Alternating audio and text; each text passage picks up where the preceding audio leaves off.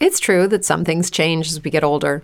But if you're a woman over 40 and you're dealing with insomnia, brain fog, moodiness, and weight gain, you don't have to accept it as just another part of aging. And with MIDI Health, you can get help and stop pushing through it alone. The experts at MIDI understand that all these symptoms can be connected to the hormonal changes that happen around menopause, and MIDI can help you feel more like yourself again. Many healthcare providers aren't trained to treat or even recognize menopause symptoms. MIDI clinicians are menopause experts. They're dedicated to providing safe, effective, FDA approved solutions for dozens of hormonal symptoms, not just hot flashes. Most importantly, they're covered by insurance. 91% of MIDI patients get relief from symptoms within just two months. You deserve to feel great. Book your virtual visit today at joinmidi.com. That's joinmidi.com. Nərmin xanım, təşəkkür edirik xəbərlərə görə və ə, baxanda görürük ki, bəzən insanların prioritetləri də dəyişir. Həm xəbər prioritetləri dəyişir, həm də ə, maraq prioritetləri də fərqli olur. Məsələn, avtostopda nə edirik? Biz yol hərəkəti təhlükəsizliyi ilə danışırıq. Belə dönmə, orada dayanma. Burada ə, qaydaları pozma, burada hadisəni törədə bilərsən, sürət həddindən aşma deyirik. Adətən belə dediklərimizi o qədər çox adam paylaşmır. Bilirsiniz ən çox nəyi paylaşırlar? Məsələn, dünən plyonka ilə bağlı çox da böyük bir şey dəyişmədi. Yəni yol hərəkəti haqqında qanun 1 saylı əlavəsində mövcud olmuş. Düzdür, yol polisi bəzən onu başqa cür ə, təfsir etməyə çalışsa da, amma ləğv edilməyən söhbət plyonkadan gedir. Plyonka məsələsi Nazirlər Kabinetində ə, qərarı ilə dəqiqləşdirilməsini deyək. Təsəvvür edin, plyonka nəyə icazə var, nəyə icazə yoxdur. Qısa 1 dəqiqəlik videomu Facebookda 567 dəfə bölüşüblər. 300 neçə nəfər adam niyə gözsə görə buna komment, şərh yazıb. İndi mən də istəyirəm sizinlə bu barədə söhbət edeyim ki, niyə görə təhlükəsizlik yox, məhz plyonka dərdimiz var. Qışın oğlan çağında, yayda başa düşdüm hardasa. Bu qışın oğlan çağında Plonka dərdi nədir? 567 nəfər bunu bölüşüb ki, bax plonka məsələsi dəqiqləşdi. E, yeri gəlmişkən bu 1 aydan sonra, təxmini dünən 30 gün idi. 29 gündən sonra qüvvəyə minəcəyi bir məsələdir. Niyə təhlükəsizlik yox, məhz plyonka dərdimiz var. 404 11 22 zəng edin. 050 730 20 10 WhatsApp nömrəmizdir. Səsli mesajlarınızı göndərə bilərsiniz. Yol hərəkəti ilə bağlı ürəyiniz hardan istəyir sual verin. Mən sizin sualınıza cavab verəcəm. Beləliklə Brain fog, insomnia, moodiness, achy joints, weight gain. Maybe you're thinking they're all just part of getting older, or that's what your doctor tells you. But MIDI Health understands that for women over 40, they can all be connected. Hormonal changes that happen during perimenopause and menopause are at the root of dozens of symptoms women experience, not just hot flashes.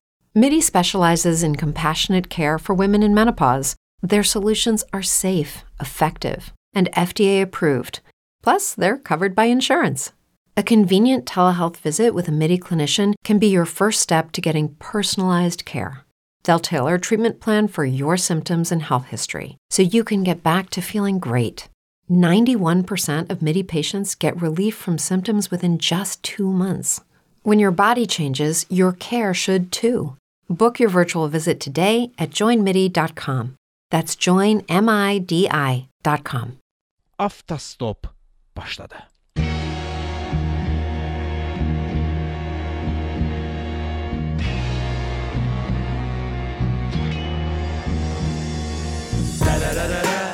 Saatin 18'i gösterirse. Derelere Yeni efirden ondan öğrenirsen DJ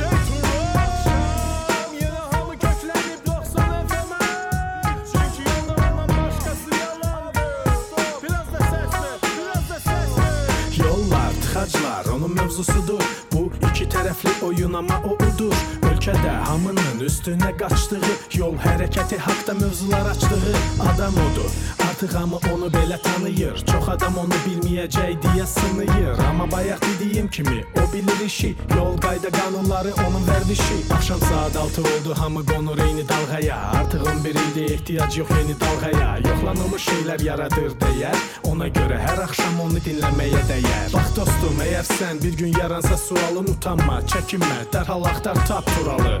012 404 11 22 yığ və efirə qoşaq. Biz zəngi. Yolda. Ver.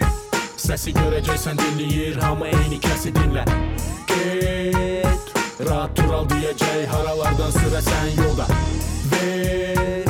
Səsi görəcəksən dinləyir Hamı eyni kəsi dinlə Get Rahat tural deyəcək Haralardan sürəsən Avtobus dayanacağının yanından keçəndə yola piyada çıxa biləcəyini düşünərək sürəti aşağı saldığımıza görə sizə minnətdarıq. 012 404 1122 bizə zəng edib ürəyinizi boşalda bilərsiniz. 050 730 2010 WhatsApp-dan səsli mesajlarınızı gözləyirik. Avtostopda efirdə mənim adım Turaldır. İctimai Radio 90 FM-ə dinləyirsiniz. Yol hərəkəti ilə bağlı ürəyiniz hardan istəyir sual verin, mən sizin sualınıza cavab verəcəm. Niyə təhlükəsizlik yox? Məhz plyonka dərdimiz var. Bundan danışırıq. Yeri gəlmişkən DJ Turalla Avtostop Telegram kanalına da abunə ola bilərsiniz. Çünki DJ Turalla Avtostop Telegram kanalında hər gün maraqlı bir məsələ, bir paylaşım olur və e, bu gün kim yol verməlidir sualı vermişik. 423 nəfər cavab verib bu suala. 423 nəfərin yalnız 54%-i doğru cavab verib. Demək olar ki, 50%-dən biraz azı səhv cavab verib. Təəccüblənmirəm. Yəni ə, ona görə bizdə qəza baş verir də. Çox sadə, primitiv bir sual idi. DJ Turalla Avtostop Telegram kanalına abunə olun. Hər gün maraqlı məsələləri paylaşırıq sizinlə. Sürücü vakansiyasından tutun, bu gün məsələn kitab adı çəkəcəmsə, efirdə o kitabın mənbəsini də paylaşıram. Hər gün kiçik belə yarışma xarakterli imtahan sualları deyə yoxlama xarakterli suallar veririk və sizinlə belə də kommunikasiya keçirik. DJ Turalla Avtostop Telegram kanalının 6417 abunəçisi var. Siz də qoşula bilərsiniz kanalımıza və kim yol verməlidir? Çox sadə bir suala 50%-dən biraz azı doğru cavab verib. Tehran yazır ki, bu plyonkada nə var ki, bunu qlobal problem eləmisiniz. Onsuz da kim istəsə vuracaq, istəməsə vurmasın da. 25 ildə eyni söhbət. Elə biz də onu soruşuruq da. Emil Çopurov yazır. Çoxdan da Emil yazmırdı. Ailəsinə arxada oturanda təhlükəsizlik kəməri taxdırmaqdansa deyirlər mənim arxamda ailəm görsənməsin. Çox qəribə deyilmi? Biz ümumiyyətlə xırda problemləri qabartmağı sevirik. Yəni psixologiyamız budur. Adamlar var ki, evinə 3 kiloqram alma ala bilmir, amma əlində 3000 manatlıq alma ilə gəzir. Yəni onun üçün 3000 manatlıq telefon almaq evinə 3 kiloqram alma almaqdan böyük uğurdur.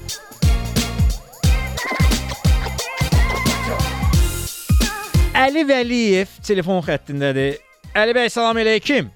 Hər vaxtınız xeyir Tural bəy. Necəsiz? Yaxşı olasınız, siz necəsiz? Təşəkkür edirəm. Yaxşı Uzun olasınız. müddət e, əlaqəyə çıxmırdınız. Sonuncu dəfə biz sizinlə 29 mart 2021-də danışmışıq. 2 il bundan qabaq Bəli. demək olar ki. Bəli, bəli. Hə, 2 il ərzində Vaxt həyatınızda nə dəyişib? E, çox şey demək olar ki, Aha. e, nəqliyyat vasitəsindən tutmuş, e, Yox, öz- özünüzün şəxsi- inkişafınızdan götürsək, 2 il ərzində nələriniz dəyişib? Ailə qurmuşam demək olar ki. Bu şəxsi inkişaf deyil də qardaş. Həyatın növbəti etabıdır, şəxsi inkişaf baxımından deyirəm. Təbrik edirəm bu arada ailə həyatı qurmusunuz. Çox sağ olun, çox sağ olun. Düzdür, sual verəcəydim niyə, amma keçirəm üstündən.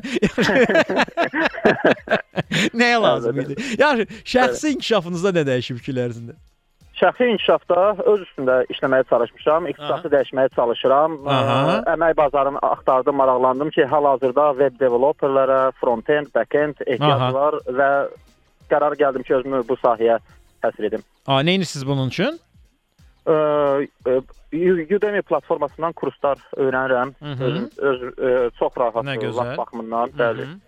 Xarici dildə də olsa da indi prinsipi demək olar ki, indiki zamanda xarici dillə problem deyil. Öyrənirik, çox şeylər gözəl də başa Çox təəssüf ki, bizdə o Udemy-də axtardım, Azərbaycanlı müəllimlər demək olar ki, yoxdur. Bir dənə Əfqan Rəsulovdur, bu Türkiyədə yaşayır, Acun Mediada dərs deyir. Onun da Udemy dərsləri var. Söhbət ə, Adobe Premiere-də ə, videoların montaj olunması və s. Hə, hə, hə. A- Amma ə, bizdə də bacarıqlı adamlar var da. Niyə dərs eləyib Udemy-də satmırlar ki? Öz dərslərini. Çünki, çünki be- belə deyək, özünüz bilirsiniz ki, e, öz iş- işinin mütəxəssisinə həmişə ehtiyac var. Aha. Və çox savadlı olan müəllimlər bu dəqiqə onlar tələbələr o qədərdir ki, onlar çox kimi baş qaçmağa da zorlanlıq tapırlar. Yox, nə var orada nə Mən şey var. Qoy də, dərsi keçirsənsə elə kamerada keç də. Kameranın qabağında dərsini keç. De, bir dəfə əziyyət çəkəcəksən. Tutaq ki 20, 30, 40 neçə dərsdirsə eləyəcəksən. Gəlir, Bir dəfə də, ə, əziyyət çəkəcəksən, amma passiv olaraq Udemy-dən dərsləri alacaqsan da. Bəli, bəli. Tamamilə razıyam. Ə, şəxsən mən ə, belə deyək də, yerli mütəxəssis olsaydı çox böyük həvəslə onun kursunu öyrənərdim, nəinki xarici birini. Radio aparıcılıq Udemy-də məncə lazımlı bir şey deyil, yoxsa mən onu çoxdan eləmişdim. yəni. Hə, yəni Udemy-də radio aparıcılığı neyinir ki? Yaxşı, Əli, ə, sizcə niyə bizdə təhlükəsizlik yox? Məs plyonka dərdi var. Məsələn, dünənlər biz 2 saat yol hərəkət təhlükəsindən, piyada, Bəli. yol polisi və s. hər şeydən danışırıq. Ə, ona reaksiya yoxdur. Sual gəlir ki, və plyonka da bu gün nə dəyişib? Və plyonka ilə bağlı 1 dəqiqəlik videomu Facebookda 567 dəfə bölüşüblər. Ondan sonra bu gün səhər insan yönümlü şəhərlərin əsas ə, xeyirli elementləri barəsində məqalə yazıb onu yalnız bir nəfər bölüşüb. Ə, Çünki bizdə ilk öncə hamısı əksər sürücülər təhlükəsizlikdən çox maşının ə, xarici görünüşünə fikir verir. Sadə dildə, el dilində isə risovkalıqdır, belə deyək. Hə, Hı mən hı. maşını belə görsənsin, belə eləsin, belə eləsin, amma ki o ə, hər hətta bəzən ə, təhlükəsizlik qaydalarını pozan dəyişikliklər də eləyirlər, amma Hı hı. YPX əməkdaşları saxlayanda başlayırlar sonra şikayətlənməyə ki, belə haqsızlıq oldu və sar və ilaxır. Məncə budur. İlk, ilk başlıca səbəb budur. Okay, yəni bir adam özünü ə, daha yaxşı göstərmək istəsin. Yəni ə, ola bilsin ki, ə, bir adam desin ki, məsələn, mən belə bir əzələm var, biri desin ki, mənim belə bir ağlım var, belə bir maşınım var. Yaxşı İndi şeydə ə, heç vaxt demək olar ki, yarışmırlar. Yəni insanların ə, əldə etdiyi uğurlar ə, və onu göstərmək istəyi ibtidai insandan götürsək, ibtidai icma quruluşundan bu yana var. Amma Bəli. Ə, iş burasındadır ki, yəni bu plyonka sadəcə bir ə, plastikdən hazırlanmış müəyyən bir məhdudiyyəti edən, yaradan, pəncərədən məhdudiyyəti yaradan bir kağız deyək buna da, nəsə bir yapışqanlı bir şeydir də. Yapışqanlı kağızdır, bu cür deyək də. Ə, Avtostop 13 ildir efirdədir, 14-cü ilinə keçir. Artıq 13 ildir, 2010-cu ildən yayımlanırıq. Maşallah. Və mənim elə bir mövsümüm olmayıb ki, 2010-dan bu yana bu plyonka söhbəti olmasın da. Amma bunun yollarımızda bu qədər adam ölür. 60% yol nəqliyyat hadisələrində piyada vurulması var. Bu ə, 60%-in də bu hadisələrin də 80%-i sutkanın qaranlıq vaxtında olub. Hər il bu statistika ə, gah yaxşı dəyişir, gah pisə dəyişir. Bununla bağlı dərdimiz yoxdur. Plyonka da mən bunu vura biləcəm yoxsa yox? Artıq Tuta bilmirəm demək, söhbəti. Qərarı qəbul edirlər, yəqin ki, bir çoxu rahatlanır. Bəlkə də çoxunun ə, çoxu arxa ə, oturacaqdan milyonları gəzdirir. Bilmirik biz onu gizlətmək istəyirlər. Çöldən görməsinlər, oğurlamasınlar. Ay, iş burasındadır başqa- ki, qərar qəbul olundu. Hələ yenə də sual verir. Hələ dünənləri paylaşıb belə indi yenə də sual verəcəklər. Altda başlayıblar. E. İndi məndə falan maşındır. Ona olar. A, maşından söhbət gedir də. Bu maşın marka modelinin nə aidiyyəti var? Öz maşının, yəni markasını soruşan var ki, məndə filandır. Ona olar. Bəs məndə də filan şeydir. Bəs ona da olarmı? Mən başa düşə bilmirəm. Mən Həqiqətən. çox gözəl başa düşürəm. Çünki mən özüm bir növ işlə bağlı belə bu, bu tip insanlara da görürəm. Mən sizə valla səbirdən başqa heç nə arzu edəmirəm. Bax da 13 ildir səbr elə elə gəlir. Yaxşı, ə, Əli buyurun, ə, sualınız var idi. Ə, bir çox şey dəyişsə də ə, problemlərdən biri dəyişməyib həyatımda. Onunla bağlı bir yenidən sual vermək istəyirəm. Yerim bu səs boğucunun ə, səs gücünün limiti. Səhv eləmirəmsə demişdiniz keçən dəfə də yadımdadır. Çünki mən o zadı saxlamışdım 84 desibeldir. Və e, Hı -hı. belə bir mən bunu məsələn axır Səhv etmirəmsə 74. 84 yox 74 olmalı idi. Aha, davam edin, davam edin. e, Hı -hı. e, məndə zapisdə var, 84 hə, deyilmiş. ola bilər, Mən bu aha. məsələni yenə də o problemi yaşayıram və o məsələni yenə də ə, axırına qədər getmək qərarına gəldim. Hı E, çünki YPX əməkdaşları hal-hazırda maşın duracaqdadır. Aha. E, deməli, A standarta gəldim, çıxdım hətta. Hal-hazırda indi oradan qayıdıram Aha. orada AZS e, EC 51 2012 sənədi ilə tanış oldum. Hı -hı. Orada ə, maşınların kateqoriyaları üzrə və səs desibelləri qeyd olunub. Sadəcə olaraq məni orada bir müəmma qalan məsələ oldu ki, orada M1 kateqoriyalı ə, Minik xidmət avtomobillər. vasitələri, bəli, minik avtomobilləri əks olunmayıb. Orada ə, oturacağın sayı ə, 9 və daha çox olanlar var. Hı. hətta ə, 3.5 tondan artıq olanlar var. Hətta ə, mühərrikin at gücünə, indi orada kilovatla qeyd olunub 150 Hı. kilovat, yəni 200 at gücündən az olsa neçə desibel, 200 200 at Sizdə nə qədərdir? çox Məndə 258 at gücüdür. Ə, Ay maşallah. ə, orada onda belə çıxır ki, Çox da at qoymamısan hə qardaş. Aha. o standartda ə, belə çıxır ki, onda 201 at gücü ilə 600 at güclü maşın Aha. səs desibeli eyni olmalıdır. O yüzden Nə qədər minik ver? avtomobil- 258-də olanda nə qədərdir desibel? Yoxdur orada. Orada yazılıb ki, 150 kilovat və daha çox at gücü. Yəni 200 və daha çox at gücü. Aha, nə qədər verib orada desibeli? 80 desibel. Halbuki orada mini, e, minik avtomobilləri deyil. Orada teksi 3.5 tondan artıq olan nəqliyyat vasitələridir. Okay. Ə, çox güman ki, o m, məsələ ondan ibarətdir ki, ə, Sovet dövründə olan ə, standart ə, hələ də aktiv olaraq saxlanılıb. Ə, ona görə də elə 74 desibel. Həmin o, ə. Baxdınız Həmin o şey? standartın nömrəsi e, nə, e, nədir? Ha- O Azərbaycan SSR zamanında qəbul olunmuş bir standartdır. Səs standartıdır. Sə özü özü bir sinə vaxt qəbul olunmuş. 89-da qəbul olunub, yoxsa 90-da qəbul olunub? Deməli, həmin o səs standartını qəbul eləyirlər. Amma gəlin belə eləyək. Mən onu dəqiqləşdirim. İndi bizim Aha. Ə, Yəqin ki, bu məsələ bizim ə, sürücülərimizə və digər izləyicilərimizə də maraqlıdır. Həmin o ə, qanunverici akt hansı ki, onlar əsaslanırlar, onu biz ataq həm Telegram kanalımızda olsun. Ə, siz də elə oradan da o şeyi ə, ondan tanış ola bilərsiniz. Çox güman ki, o, o, belə- onu götürürlər. Aha, onda belə bir sual. Onda bu həmin bu dediyim standartın 6.2.2.1.1 bəndi var. Hansında ki qeyd olunur ki, sürücünün yeri daxil olmaqla ən çox 9 oturacaq yeri ola bilən sərnişinlərin daşınması üçün nəqliyyat vasitələri. Bəli, minik avtomobillərində 8 plus 1 deyə- gedir, 7 plus 1 gedir də, aha. Bəli, yəni bu e, indi e, burada 74 desibel qeyd olundu. Mənim sualım odur ki, bura e, məsəl üçün adi 4 4 oturacaqlı sedanlar, kupelər aidmi yoxsa yox? O gəlin belə o standart o, o 74 desibel deyilirsə o standartı nəzərdə tutular. Azərbaycan SSR zamanında qəbul olunmuş Standart standartı. Hansı ki dövlət e, müstəqilliyi qazanandan sonra həmin standart keçid müstəqillik e, ölkənin standartına. Mən onu or ora ataram baxarıq görə e, nə məsələdir. Yəni orada var idi. O, o orada minik avtomobili söhbəti var idi amma. M M1-lər var idi. Burada mən hal-hazırdakı həmin o standartı baxmışam. Yəni bütün bəndləri var məndə baxmışam. Orada minik avtomobili söhbəti. Mhm. Ona görə də e, anlaşılmazlıq yaranıb bu, bu hal-hazırda. Aydındır, Mən aydındır. Yəni o Aha. məsələ indi inşallah biz o Telegram kanalımızda izləyin. E, Telegram kanalımıza o standart atacağam. Təşəkkür edirəm Əli.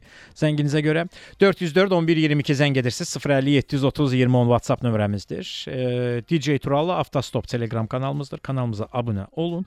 A, maraqlı məsələləri sizinlə bölüşürük və bu gün danışdığımız elə standartı da orada bölüşəcəm ki, izləyicilərimizin bir çoxu yəqin ki, o səs standartı ilə bağlı maraqlanırlar. Xəbərləri olacaq. Sizdən yoxdur da. Svetoforda dayananda siqnal vermirsiniz. Hər şeyin birincisi olduğu kimi, avtomobil dünyasında da birincilər olub. Bu dəfə sizə elə birincilərdən danışacağıq. Avtostopda, Sifdə. Finlandiya qışı ən sərt keçən ölkələrdəndir. Ölkənin şimalında yanvarda qarın hündürlüyü 40 sm kimi çata bilir. Amma istənilən havaya rəğmən yük daşımaları öz qaydasında olmalıdır. Ona görə də yəqin ki, ilk qış təkərinin Finlandiyada yaradılması təəccüblü olmamalıdır. 1934-cü ildə Nokia şirkətinin zavodlarında yük maşınları üçün ilk dəfə qış təkəri istehsal edilmişdi. Məhz bundan sonra yükləri daha təhlükəsiz şəkildə daşımaq mümkün oldu. Cəmi 2 il sonra minik avtomobilləri üçün də qış təkərləri satışa çıxarıldı. Finlandiyada indi də qış təkərləri məsələsinə ciddi yanaşırlar. İlin soyuq vaxtlarında orada qış təkəri olmadan avtomobil idarə etmək olmaz. Bəzi ölkələrdə isə bu qayda hətta yol nişanlarında da öz əksini tapıb. Məsələn, Çexiyanın qar çox yağan yollarında xüsusi qış təkəri yol nişanı var.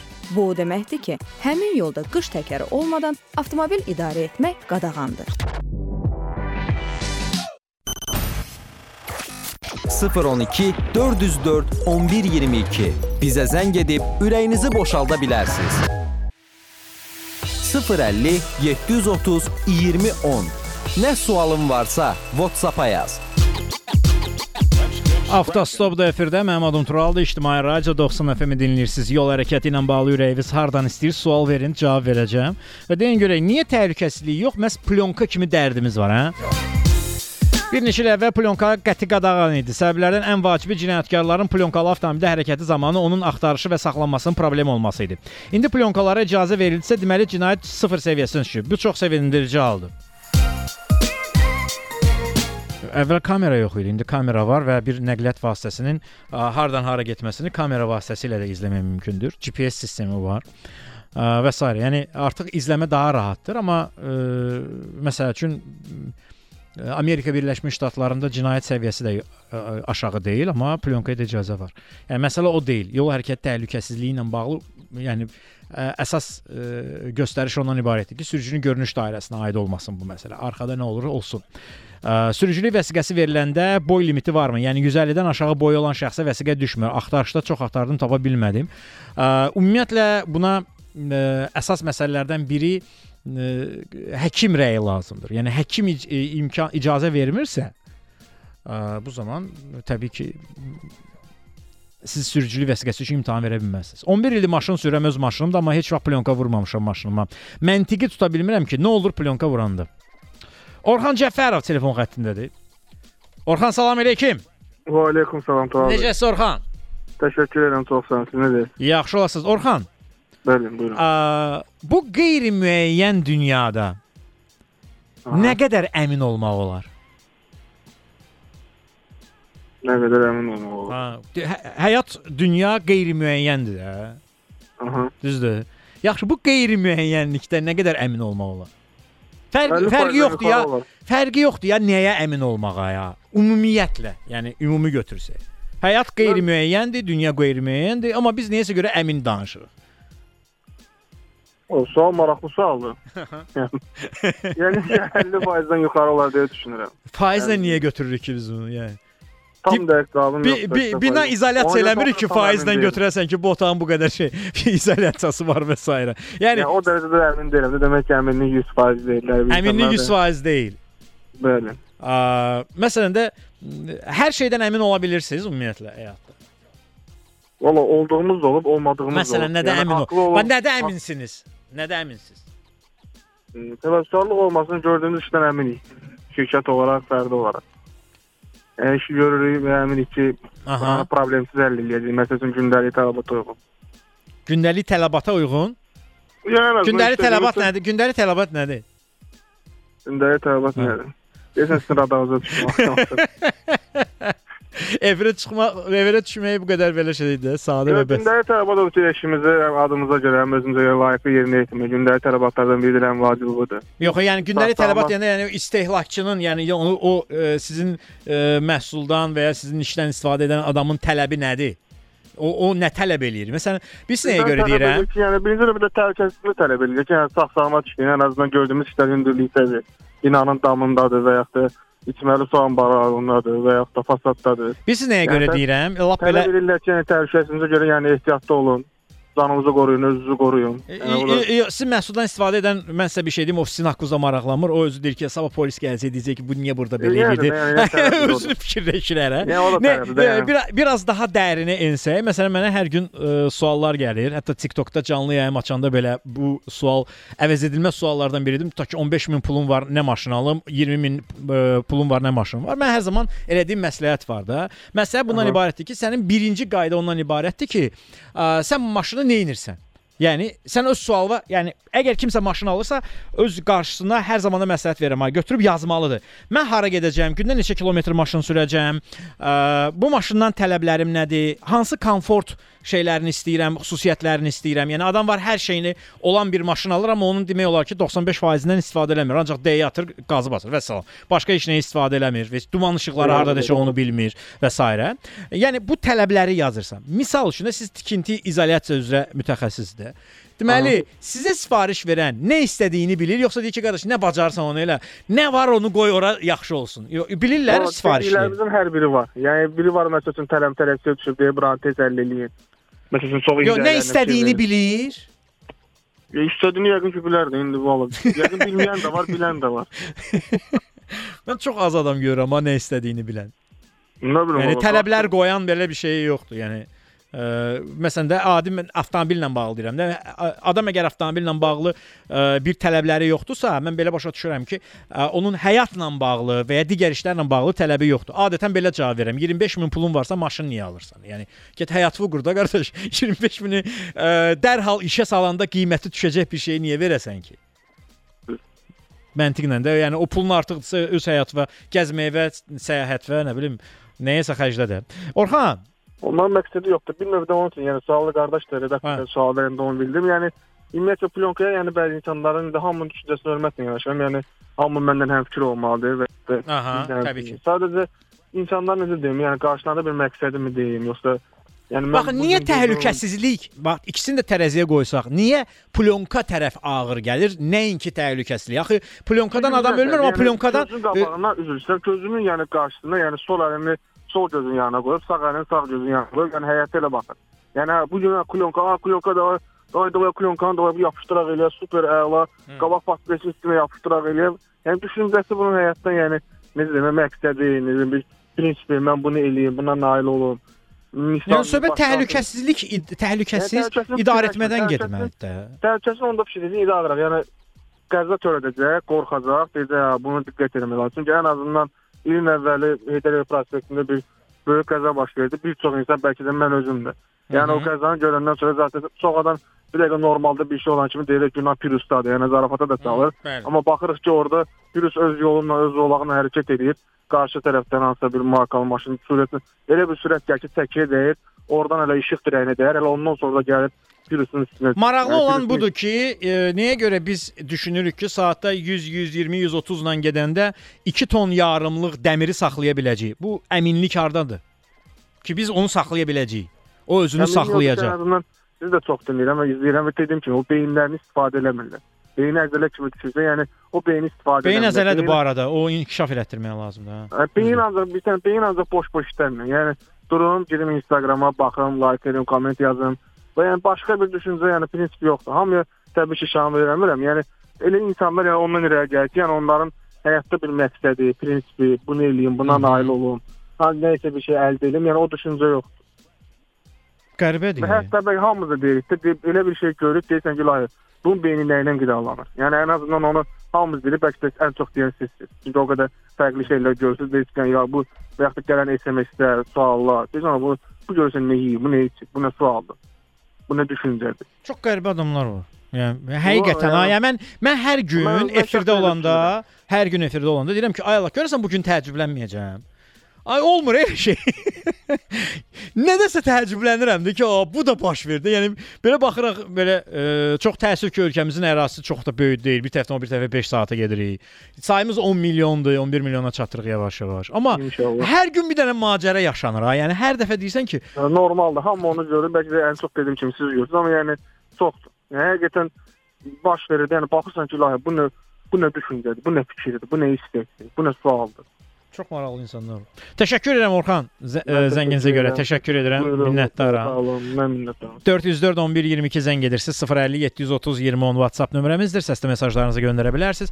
Yol hərəkəti ilə bağlı ürəyiniz ə, hardan istəyir sual verin. Mən sizin sualınıza cavab verəcəm və dostlar deyin görək ə, təhlükəsizlik yoxsa plyonka? Ba- Nədir bu seçim nədir? Niyə görə plyonka dərdimiz var? E? Təhlükəsizlik dərdimiz yoxdur. Bu arada DJ Tural Avtostop ə, Telegram kanalında ə, bu gün ediləcək paylaşımlar, efirdə adı çəkiləcək kitablar var.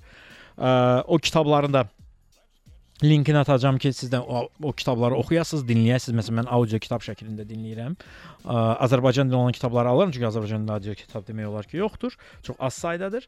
Ə, söhbət xüsusən də şəxsi inkişaf kitablarından gedirsə, ə, onları da yerləşdirəcəm. Tural Avtostop Telegram kanalına abunə olmağı unutmayın. 6419 artıq abunəçimiz var. Ə, kim yol verməlidir sualı da vermişəm. 457 nəfər cavab verib o suala. 457 nəfərin yalnız 54 faizi, yəni 50 faizdən bir qədər çoxu doğru cavab verib. Belə desək, yarı faizi ə,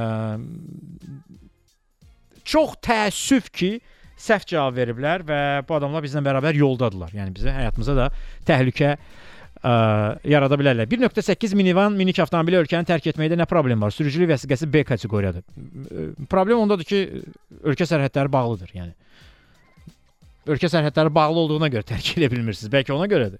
Ə, Gələn səsli mesajlar var. İşte görək xalq nə deyir. Sizliyi çöldən işarələr bizə təmin olunmalıdır ki, bizdə də problem olmasın idarəçilikdə. O da maşınına aid olan bəzəkdir də, satışda var, o da alır, bağlayır.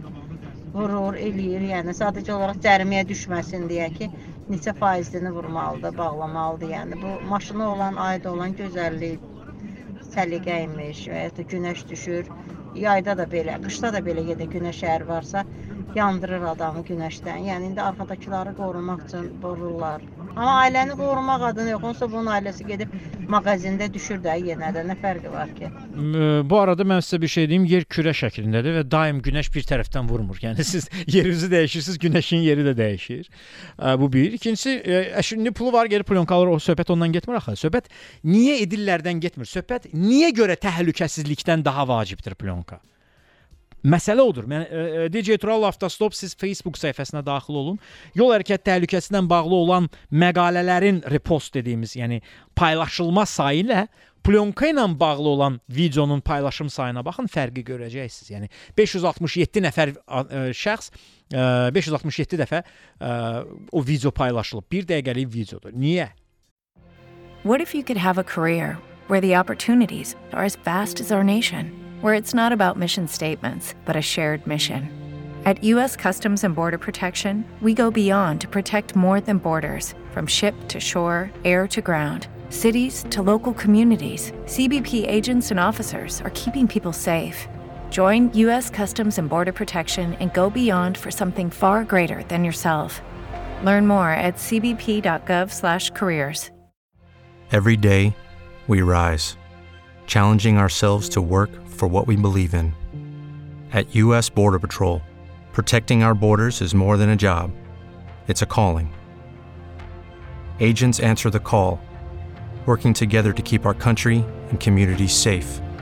If you're ready for a new mission, join U.S. Border Patrol and go beyond. Learn more at cbp.gov/careers. Yəni təhlükəsizlik daha önəmli. Mənim dediyim odur ki, niyə eləyirsiniz? Yox. Niyə təhlükəsizlikdən önəmlidir? Sual belədir.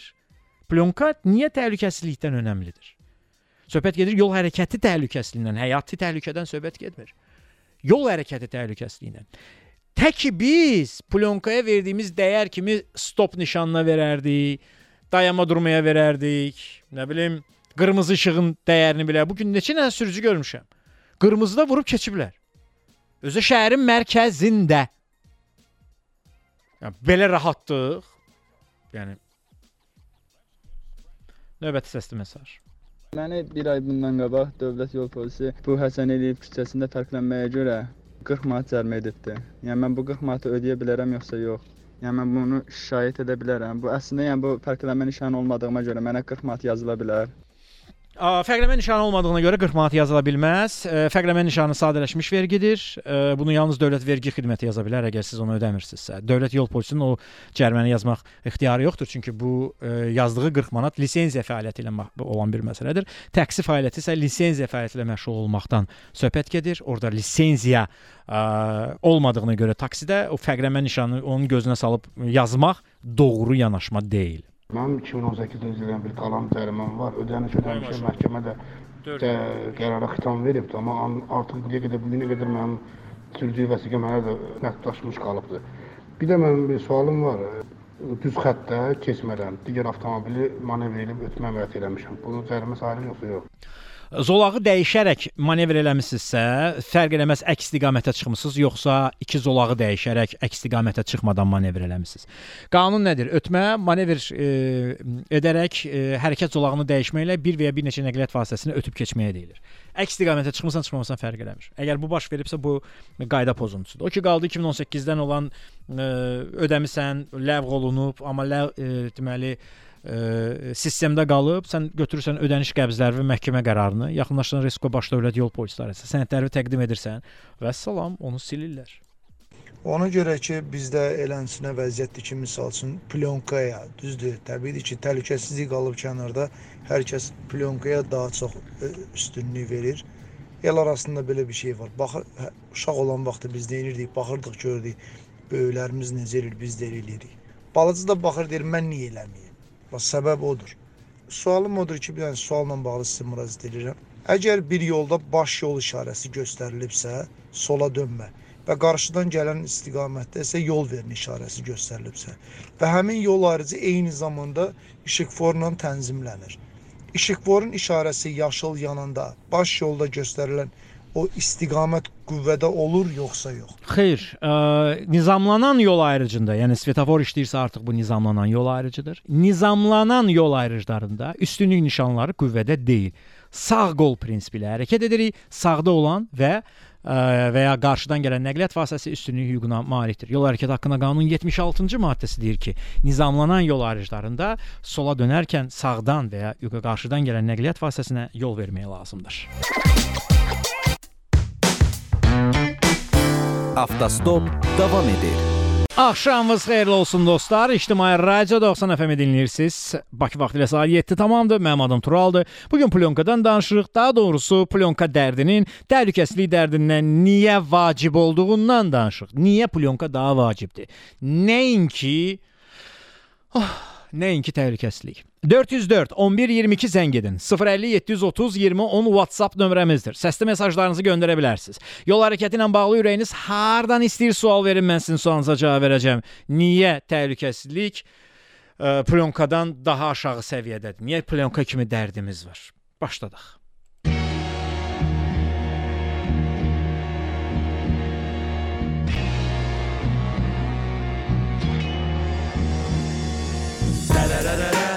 Saatın 18-i göstərirsə Dərərərərə Yeni efirdən ondan öyrənirsən DJ Turan Yenə hamı köklənib 90 FM-ə Çünki yolda ondan başqası yalandır Biraz da səslə, biraz da səslə Yollar, tıxaclar onun mövzusudur Bu iki tərəfli oyun amma o udur.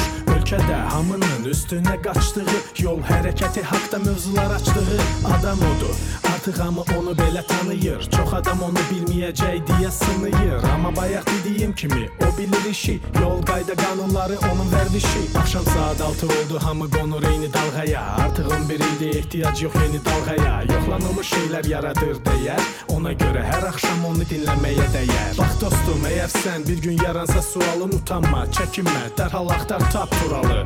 012 404 11 22 Yığ və efirə qoşaq Biz zəngi Yolda. Ver. Səsi görəcəksən dinləyir Hamı eyni kəsi dinlə Get Rahat tural deyəcək Haralardan sürəsən yolda. Ver. Səsi görəcəksən dinləyir Hamı eyni kəsi dinlə Get Rahat tural deyəcək Haralardan sürəsən Sizdən yoxdur da. Svetoforda dayananda siqnal vermirsiniz. 012 404 1122. Bizə zəng edib ürəyinizi boşalda bilərsiniz. 050 730 2010. WhatsApp-dan səsli mesajlarınızı gözləyirik. Avtostopda efirdə mənim adım Turaldır. İctimai Radio 90 FM-i dinləyirsiniz. Yol hərəkəti ilə bağlı ürəyiniz hardan istəyir sual verin. Mən sizin sualınıza cavab verəcəm və həmçinin deyin görək niyə görə ah, təhlükəsizlik yox, məhz plyonka kimi dərdimiz var. Bəhruz Əhmədov telefon xəttindədir. Bəhruz, salam əleykum. Salam Tural müəllim, axşamınız xeyir. Aqibətiniz xeyir. Necəsiz Bəhruz? Çox sağ olun, siz necəsiniz? Yaxşı. Siz hələ də işdəsiz. Bəli, işdəyəm. Overtime ödəyirlər artıq qalmağa görə. Ee, saat 7-də işim bitir. Elə indi də işdən çıxıram. O 7-də bitir. Neçədə başlayır ki? 10-da. Aa, şu siz Ondan 9, yediyə. 9 saat işləyirsiniz. İş olanda yəni evə getməkdənsə qalıb işləmək istəyir də. Yox, evə getmək daha yaxşıdır axı, məncə. Məncə işləmək yaxşıdır. Yox, məncə evə getmək yaxşıdır. Qardaşım, buraya 9 saat işləmək olar. Olar, bəli, bəzən olur. Aa, yox, ya 9 saat işləmək olar. Ərzəvi yaz çıxsa bax, nədir? Sonra iş tapmaq çətin var. Ay, Bəhruz. Bəli, buyurun. Qeyri-müəyyən dünyada əmin olmaq nə qədər realdır? Vallahi heç mən buradan çıxıb evə getməyimə də əmin deyiləm, girə biləcəm yoxsa yox.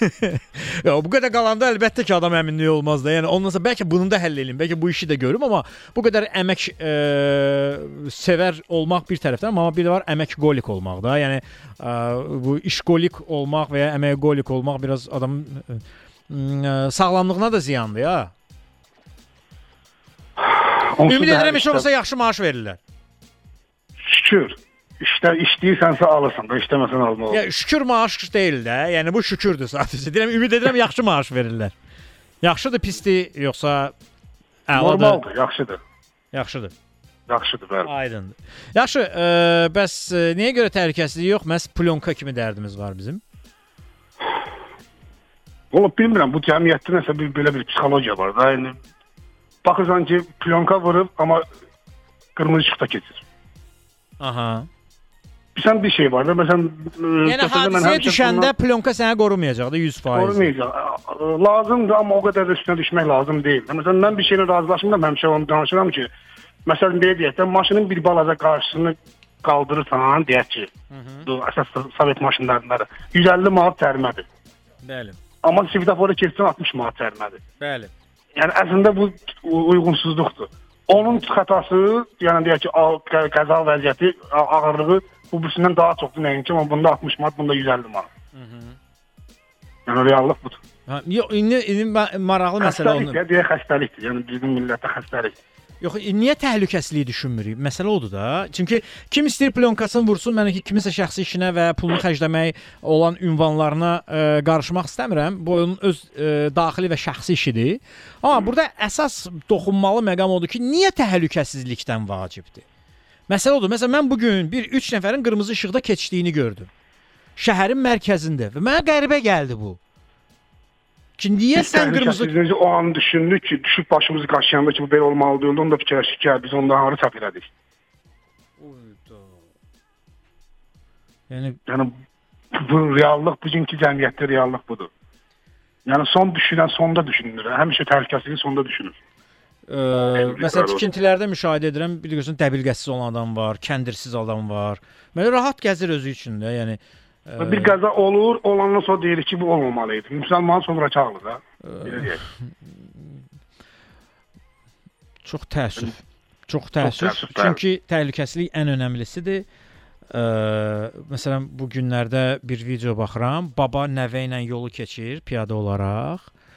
Deməli, baba ə, nəvənin ayağı sürüşdü belə, büdrədi, yıxıldı yerə. Baba Yəni mənə görə bu baba olmalı idi da. Baba nə edərdi? Dayanardı, baxardı maşınları saxlamağa çalışardı. E, körpəni götürərdi qucağına. Deməli keçməyi normal keçməyi almır da, yıxılıb bu uşaq. Yolun qırağına keçərdi, sonra üst başını təmizləyərdi, yoluna davam edərdilər. Deməli uşaq yıxılır. Baba onun əlindən tutub sürüyə-sürüyə aparır. Yəni uşaq rəsmən yerdə sürünürdü. Sürünür.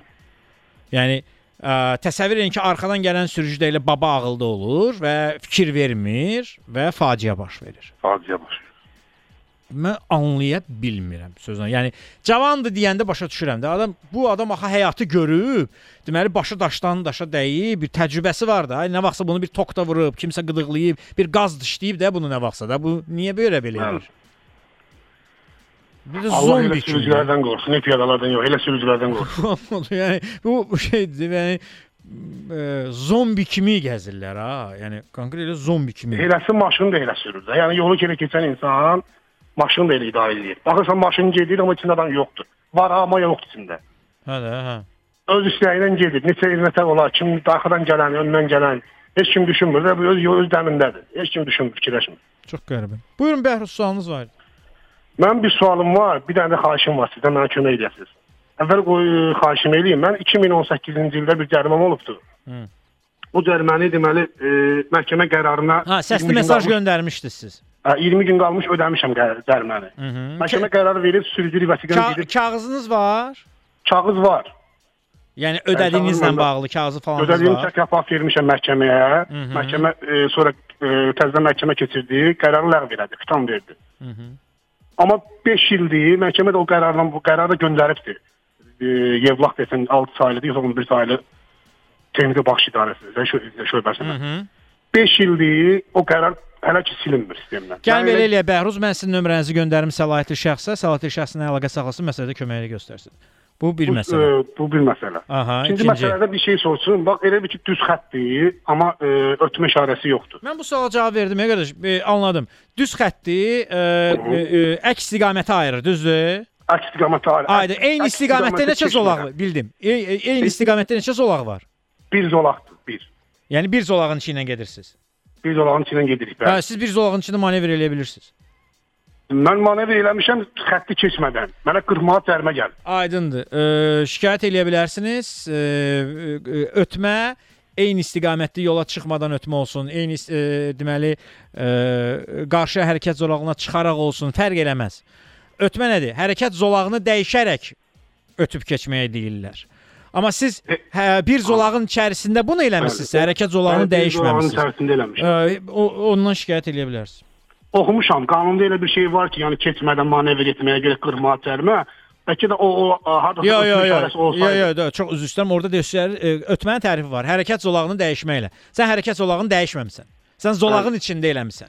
Bu fərq eləməz. Eyni istiqamətdir yoxsa əks istiqamətdir. Fərq eləməz. Bir zolağı məsələn bizdə zolağı maşallah elə enli çəkirlər ki, elə bil ki, ağır çəkili insanlar üçün çəkirlər ki, onu böyle çox yerləşsinlər orada. Enli zolaqdır. Məsələn, qarşıdakı maşın 20 ilə gedir, mən də sıxlıq Mən razı, mən razı. Okay, problem yoxdur. Yəni e, bir zolağın içərisində manevr eləmisənsə orada qanun pozuntusu yoxdur, ondan şikayət edə bilərsən. oldu. Çox sağ olun. Təşəkkür edirəm, çox son zənginizə görə minnətdaram. Sağ olun. Siz sağ olun. 404 11 22 zəng edirsiniz. 050 730 20 10 WhatsApp nömrəmizdir. Səsli mesajlarınızı göndərə bilərsiniz dostlar. 9 saat işləmək nə demək qardaş? Vallahi da, yəni 9 saat. İndi bi- bil- bilirəm, e, bəziləri 10, 11, 12 saat işləyirlər, amma ə, mənə görə bu çoxdur. Yəni bəzən iş sahibləri məsələyə diqqət etsələr və ə, insanların şəxsi həyatına vaxtı qalmır. E. Yəni maşından gedib pəncərəni açıb qonşu maşında ə, ürəyi istədiyi adama baxıb doyunca gülümsəməyə şey qalmır. Vaxtı qalmır. E. Sonra bilim, hansı bir kafeteriyada oturub kofe içib gözəl mənzərəyə baxıb o mənzərədən zövq almağa vaxtın olmur. Ha, özünə, həyatına, ə, sevdiklərinə, yaxınlarına heç nəyə həyat vaxtın qalmır. Sonra da başa düşürsən ki, həyat bunların hamısı da həyatdan gedir. Judy was boring. Hello. Then Judy discovered ChumbaCasino.com. It's my little escape. Now Judy's the life of the party. Oh, baby, Mama's bringing home the bacon. Whoa, take it easy, Judy. The Chumba life is for everybody. So go to ChumbaCasino.com and play over 100 casino style games. Join today and play for free for your chance to redeem some serious prizes. chumba ChumbaCasino.com. No purchase necessary. Void where prohibited by law. 18 plus terms and conditions apply. See website for details. Lucky Land Casino asking people what's the weirdest place you've gotten lucky? Lucky? In line at the deli, I guess? Haha, in my dentist's office. More than once, actually. Do I have to say? Yes, you do. In the car before my kids' PTA meeting. Really? Yes. Excuse me, what's the weirdest place you've gotten lucky? I never win and tell. Well, there you have it. You can get lucky anywhere playing at LuckyLandSlots.com. Play for free right now. Are you feeling lucky? No purchase necessary. Void where prohibited by law. 18 plus. Terms and conditions apply. See website for details. Ə, Bəncə işində xoşbəxt olmayan işçini nə edirsiniz ki, hörmətli sahibkarlar? Siz elə eləməlisiniz ki, o işçi orada xoşbəxt olsun. 9 saat nədir qordur? Uyudu. Mən ümumiyyətlə e, iş saatlarından işləməyi xoşlamadığıma görə ə, bəzən hətta dostlarımı belə bir görsən e, dilə tutmağa çalışıram ki, qardaş sən ixtisasından 8 saat işləmədən belə məsələn konsultasiya edərək belə pul qazana bilərsən. Bəli, elə işlər var ki, orada konsultasiya yoxdur da. Yəni tamamilə fərqli bir işlərdir. Elə işlər var ki, o ə, unikal bir şey var, amma 9 saat, m- 10 8 saatdan artıq işlərin. 9 saat, 10 saat, 11 saat ə, mən hesab edirəm ki, bu istismardır. Bu mən doğru deyil. Bu mənim subyektiv fikrimdir. Kim ə, xoşuna gəl gəlmir. Yəni insan özünə, ətrafına, sevdiklərinə ən azından bir dənə qəhvə içib mənzərədən zövq alıb kiməsə xoş gülümsəməyinə vaxtı qalmalıdır. Əgər bu vaxtı qalmırsa, o işində xoşbəxt həyatında da xoşbəxt deyilsə, bu işində də xoşbəxt olmayacaq. Və işində xoşbəxt olmayan adam sizə ə, məhsuldar olmayacaq. E, işinizi daha da irəli aparan olmayacaq. Yəni bədbəxt kişiləri nə edirsiniz ki?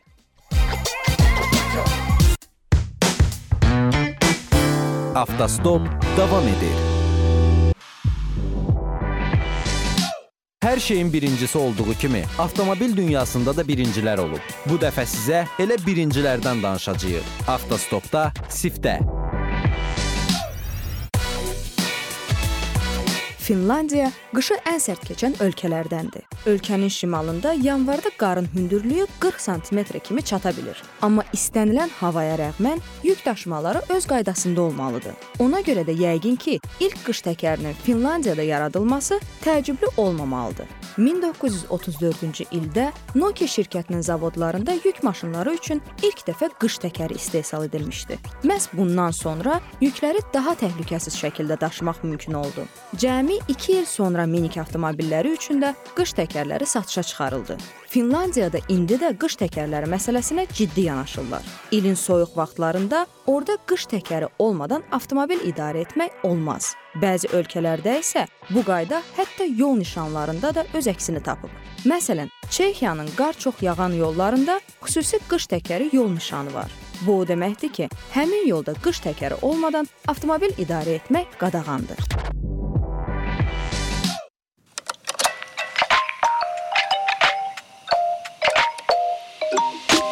Sizin kimi sürücülər olduqca biz yolda sağ qalacağıq. Var olun. 012 404 1122 bizə zəng edib ürəyinizi boşalda bilərsiniz. 050 730 2010 Nə sualın varsa WhatsApp-a yaz.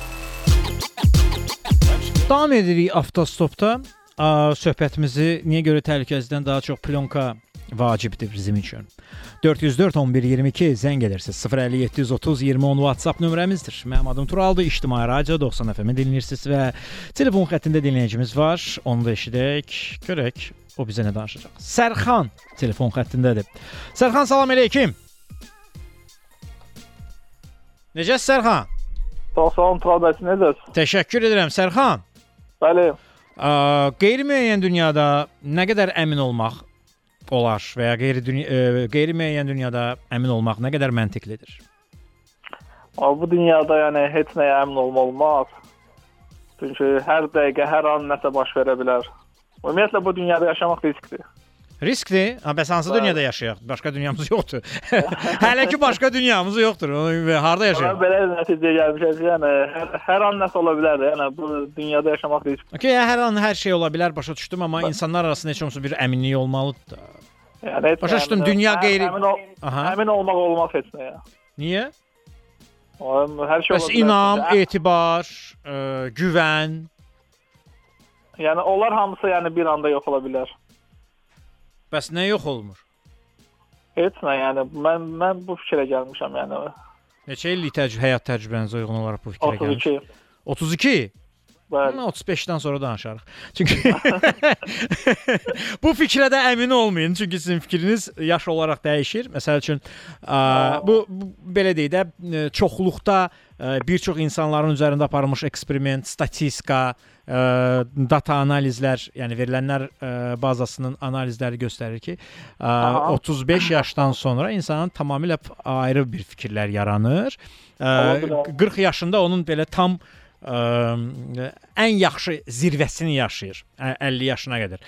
50-dən sonra isə artıq hər belə ə, o qədər rahat olur ki insan. Çünki ə, 50-yə qədər yaşadıklarını yaşayır və ondan sonra başa düşür ki, həqiqətən başa düşdü ki, heç nə əmin olmaq lazımdır. Yəni boş buraxmaq lazımdır ondan sonra. bir kitab oxuyuram, daha doğrusu yenicə başlamışam o kitabı. Olmayan problemləri ə, ə, nəzərə almamaq. Ə, o ə, ə, müxtəlif psixoloqların ə, toplaşıb birlikdə yazdıqları bir kitabdır. Daha doğrusu müxtəlif psixoloqların fikirlərindən ibarət bir kitabdır. Orada maraqlı bir şey deyir. Ə, psixologiyada ağ ayı deyilən bir ə, tələ var. Tələ nədən ibarətdir? Eksperiment şey eləyiblər. İnsanlara deyiblər ki, ağ ayını beyninizə gətirin. Bax, ağ ayı haqqında düşünməyin ha. Bax, ağ ayı haqqında düşünməyin. 1 saat, 1 dəqiqə ərzində həmin adamlar ağ ayı haqqında düşünüblər. yəni yəni olmayan bir şeyi sənə deyirlər, sən onu beyninin içində fırladırsan və ona fokuslanırsan da. Psixoloqlar da deyirlər ki və ağıllı insanlar deyirlər ki, həll edə bilməyəcəyin, e, vaxtını alacağın işlərə özünü fokuslanmamalısan. Belə getsəydin belə olardı. Buna toxunsam görəsən nə olacaq? Misal üçün sürətli qərar verənlə ə, ə, çox düşünən insanın arasında fərq var. Yəni sürətli qərar verən nə edir? Deyir ki, havaya baxır, deyir indi dolu yağa bilər, ondan sonra maşınımı təhlükəsiz yerə aparım. Çox düşünən adam nə deyir? Baxır havaya, deyir ki, dolu yağa bilər. Dolu yağsa mənim maşınımı əzə bilər. Əssə görəsən mənə nə qədər ziyan dəyər. Görəsən yağacaq yoxsa yağmayacaq. Yağmasa da mən maşınımı harasa aparacam da. Onda da vaxtımı itirəcəm. Hə, birdən yağdı. Yəni maşını götür başqa yerə qoyana qədər 3 saat onun ətrafında fikirləşir. Amma bunu apar qırağa qoy, yağanda da yağacaq, yağmayanda da olmayacaq. Yəni ə, deyir beyninizi boş şeylərlə məşğul edəndə beyin haqqında hətta belə bir şey var. Deyir ki, beyin çox yaxşı xidmətçi həmçinin çox zalım sahibdir. Yəni sənə sahibləndisə çox zalımdır. Sənə boş-boş şeyləri apara bilər. Ona görə ə, mə- e, deyir e, e, beyninin resursundan tam istifadə etmək istəyirsinizsə, o ağ, ağ ayı tələsinə düşməyin. Yəni ağ ayı haqqında düşünmə. Yaxşı? Maraqlı məntiqdir. Ya mən də başqa şeylər fikirləşdim sırada. Problemlərimi fikirləşdim ağaydan başqa. Hə də məsələ odur ki, ağ ayı bir problemdir də. Sənə deyirlər ki, sən nə vaxt sənə deyirlər ki, bu problem haqqında düşünmə, sən o başlayırsan o problem haqqında düşünməyə. Nəsə qəribə bir şey gedir ha. Fikrimi də yayındıra bilmirsən orada. Yaxşı, ə, niyə görə biz yaxşı bu, bu ağ ayı dediyimiz bu plyonka var ha. Ə, Aha, niyə görə təhlükəsizlikdən, hə, təhlükəsizlikdən daha çox vacibdir ə, plyonka bizim üçün. Niyə belə plyonka dərdimiz var? Mən öz adımdan deyə bilərəm ki, yəni, mənim üçün bu həyatda ən birincisi sağlamlıq, ikinci növbədə təhlükəsizlikdir. Mhm. Yalan şeylər, yəni hamısı düzələnlərdir. Bu yəni Amma baxında insanlar- Facebookda video paylaşmışam, 567 dəfə paylaşıblar. Yol hərəkət təhlükəsi ilə bağlı şey paylaşmışam, 1-2-3 dənə adam paylaşıb ya yox. Qəribədir, mənə qəribə gəlir ki, plyonka nə qədər vacib şeydir ki, onu 567 dəfə bölüşərlər. Əslində yəni bu bizim mən belə fikirləşirəm ki, mentalitetlə bağlıdır. Bizdə biraz görünüşə önəm verən insanlarıq. Aha. Yəni bəzilərimiz. Ona görə yəni xoşlayırlar ki, insanlar yəni bir bir psixologiyada var ki, insanlarda yəni nə qadağanda onu yəni eləmək istəyirlər də. Yəni saat indi icazə versələr ki, bütün maşınların qabağı qaldırmağa icazə var ki, hamı eləyəcək. Yəni nə qadağandır, yəni insanlarda ona maraq olduğuna görə mən fikirləşirəm belə daha çox istəyirlər insanlar. Niyə? Və onu çox belə e, izahını istəyirəm. Özüm üçün izahını istəyirəm. Niyə? Valla mən qısa mən belə fikirləşirəm ki, izahı odur ki, insanlarda nəyi qadağa qoyursan ona daha çox maraq olur. Yəni səbəb bu görürəm, başqa. Mhm. Aydın. Yox, el- elə deyil sizdə. Yo mən bu psixologiyanı başa düşmək istəyirəm. Nəyə qadağa qoysa maraq olanda deyəndə ki, axı e, indi qadağa deyil. Ucu qadağa deyil. Hə, qadağa deyil. Daha doğrusu hə, hə. insanlar hamısı adiləşsə, yəni normal elə önəm verməyəcəklər o plyonкaya. Aydındır. Hələ Buyur. ki, hələ ki trenddə olan bir şeydir ona görə. Mhm, Aydındır. Buyur sualım var idi. sualım deməli e, bu deməli mən hansı rayonlara hansısa bir istiqamətdə gedirdim. E, mənə yol patrul xidməti saxladı ki, sizdə ödənilməmiş dərmə var. Hı -hı. dayanacağa aparılmalıdır maşın. 2 ayda ödəməmisiniz yəqin ki. Aha, 2 aydan. Mən də Asanpay, mən də pasiyan izləyirəm Asanpay kabinetimdən də. Mən açdım göstərir ki, e, bəs məndə heç cərimə yoxdur. Yəni olsaydı mən ödəyərdim. Dedi bilmirəm, o kimsə duracağa təmin etməli. Deyirəm qardaş, əgər mənim cəriməm varsa, mən onu ödəyə bilərəm də yerində. Hı -hı. E, Mən bilmək istəyirəm, əgər onu mən ödəsəm yerində dərhal o məni duracağa apara bilərmi yoxsa? Ə, əgər siz yerində ödəyirsinizsə duracağa aparmayın, xeyr. O mənə mm, Faizlərlə bərabər ödəyirsinizsə problem olmamalıdır. problem olmamalıdır. Bəli, qanun deyir, qanun deyir ki, hətta qanunda yazıb vətəndaş ə, ödəmə cəməsini faizi ilə bərabər ə, yerində post terminal və elektron xidmət vasitəsilə ödəyərsə sərbəst buraxılır. Qanunda belə deyir. Hə, sərbəst buraxılır. Mən də ona görə izah elədim. Mən də bilirəm də qanunlara çox. Hı Prosta dedi, yox, şimdi getməlisən ora. Yəni ödəyəndən sonra niyə aparsın ki? O mənası nədir ki? Mən ödədim. Hə maşın niyə gedir cərimə meydançasına? Maşın ona görə cərimə meydançasına gedir ki, bu ödənməyib, düzdür? Mən də ödədim. Onda niyə gedir cərimə? Mə- Məntiq nədir? O cərimə də ki, elə olmuşdu ki, ki, maşın nömrəsi mənə adım idi. Cərimə yazılan şəxs başqa şəxs idi. Deyirəm qardaş, bu cərimədən mən xəbərim yoxdur, onu söyləyərəm. Mhm. O şey ki, yəni məndə də belə göstərir. Orta Yox, sən indi onu ödəmiş, həmin vaxtı yerində niyə ödəmirdin ki? Yox, mən ödədim axırda. Yəni həqiqətən də mənim cəriməm deyil. İndi mən sonrasında araşdırmağa vaxtım getmədi. Vaxtım getməsindən çox üstünə getmədim. Aha. Deməli, maşın nömrəsi mənim idi. Cərimə amma e, başqa şəxs e, adına yazılmışdı. Mhm. Aydındır. Məsələn, texniki səhv olub da belə deyək. Sərxan neçə saat işləyirsiniz? 9 saat. 9 saat niyə qardaş? 9-dan 6-ya, yəni 1 saat daha, 8 saat. Uydo. Ha, düzdür, ucu bezmişik bu. Axır vaxtlar fikirləşirəm ki, ucu nəsə bir eləmək lazımdır. Ucu standart həyat, standart həyat e, adam Şabl bezdirir. çox şablondur. Yəni adam bir özünüzə və vaxtınız qalır. Vaxt ayırıram axşamlar, e, amma məcburuq da müəyyən. Yəni axşamlar deyəndə ki 1 saat, saat yarım elə yolda gedirsən ki. Onun dərdindən istəyirəm ki, skuter alım özümə. Bu da ki, zo- zolaqlar olmadığı üçün Mhm. Harda qalırsan? Mən özüm azadlıq metrosunda tərəfdən. Sən niyə metro ilə getmirsən ki? Metroya da minmək olmur da. Necə minmək basa- Çox insan olur, dəhşət basa-basa olur. Metronun Azadlıq stansiyasına çox adam Elə gedir. bil ki, mənim iş yerim Nərimanovdadır. Mən azadlıqdan Nərimanova getmək üçün məcbur çox avtomatla getməliyəm. O da məcbur sərf eləmir. Niyə ki? Ona görə maşınla. Necə? Niyə ki? Azadlıqdan, yəni Azadlıqdan Nərimanova- birbaşa getmir də siz oradan ke- keçid eləyəcəksiniz. Düzdür? Hə, Xətti keçid, dəyişir. Plus da ə, avtonovka sahib çoxdur da belə deyək. Amma oradan maşınla getsən, halbuki həmin yol 10 dəqiqəlik yoldur. Belə deyək. Amma benzini saymırsınız bəs. Sayıram benzini. Prosta plus da. Belə 10 dəqiqəlik yolu səhər-səhər alsa bir 45 dəqiqə bir saat eləyir. Qatarla get, metro ilə getsəz nə qədər eləyər? Metro ilə də paşdı. Yəni insanlar Çox gibi çoxsu 28-də düşür də. Nərimanova nə qədər adam gedir ki? O çox olur təxmin. Ən yaxşı variant mən ə, skuter görürəm. O da ki, hələ ki zolaqlar ya da velosiped. Oydu. Bizdə də formalaşmayıb o yollar. Belə başa düşdüm ki, elə evə də gəlib ancaq çatırsan, elə kartofla Hə, kotlet yedin, televizorun qabağında yuxuya gedirsən və deyirlər ki, "Abla get yerində yat." Ya ya. O dərəcədə özümü idarə edirəm. Aydın. Onunla məşğul oluram. Aydındır. Təşəkkür edirəm Sərxan zənginizə görə. Minnətdaram. Sağ olun, təşəkkürlər. 404 11 22 zəng edirsiniz. 050 730 20 10 WhatsApp nömrəmizdir. Yeri gəlmişkən televizorun qabağında yatmağın əsas səbəblərindən biri e, yorğun olmaq olmur ha. Ə, axşam vaxtı yemək yemək olur. Yəni saat 7-dən sonra, 6-dan sonra yemək yediyiniz zaman glikemik indeksiniz qalxır, insulin qalxır.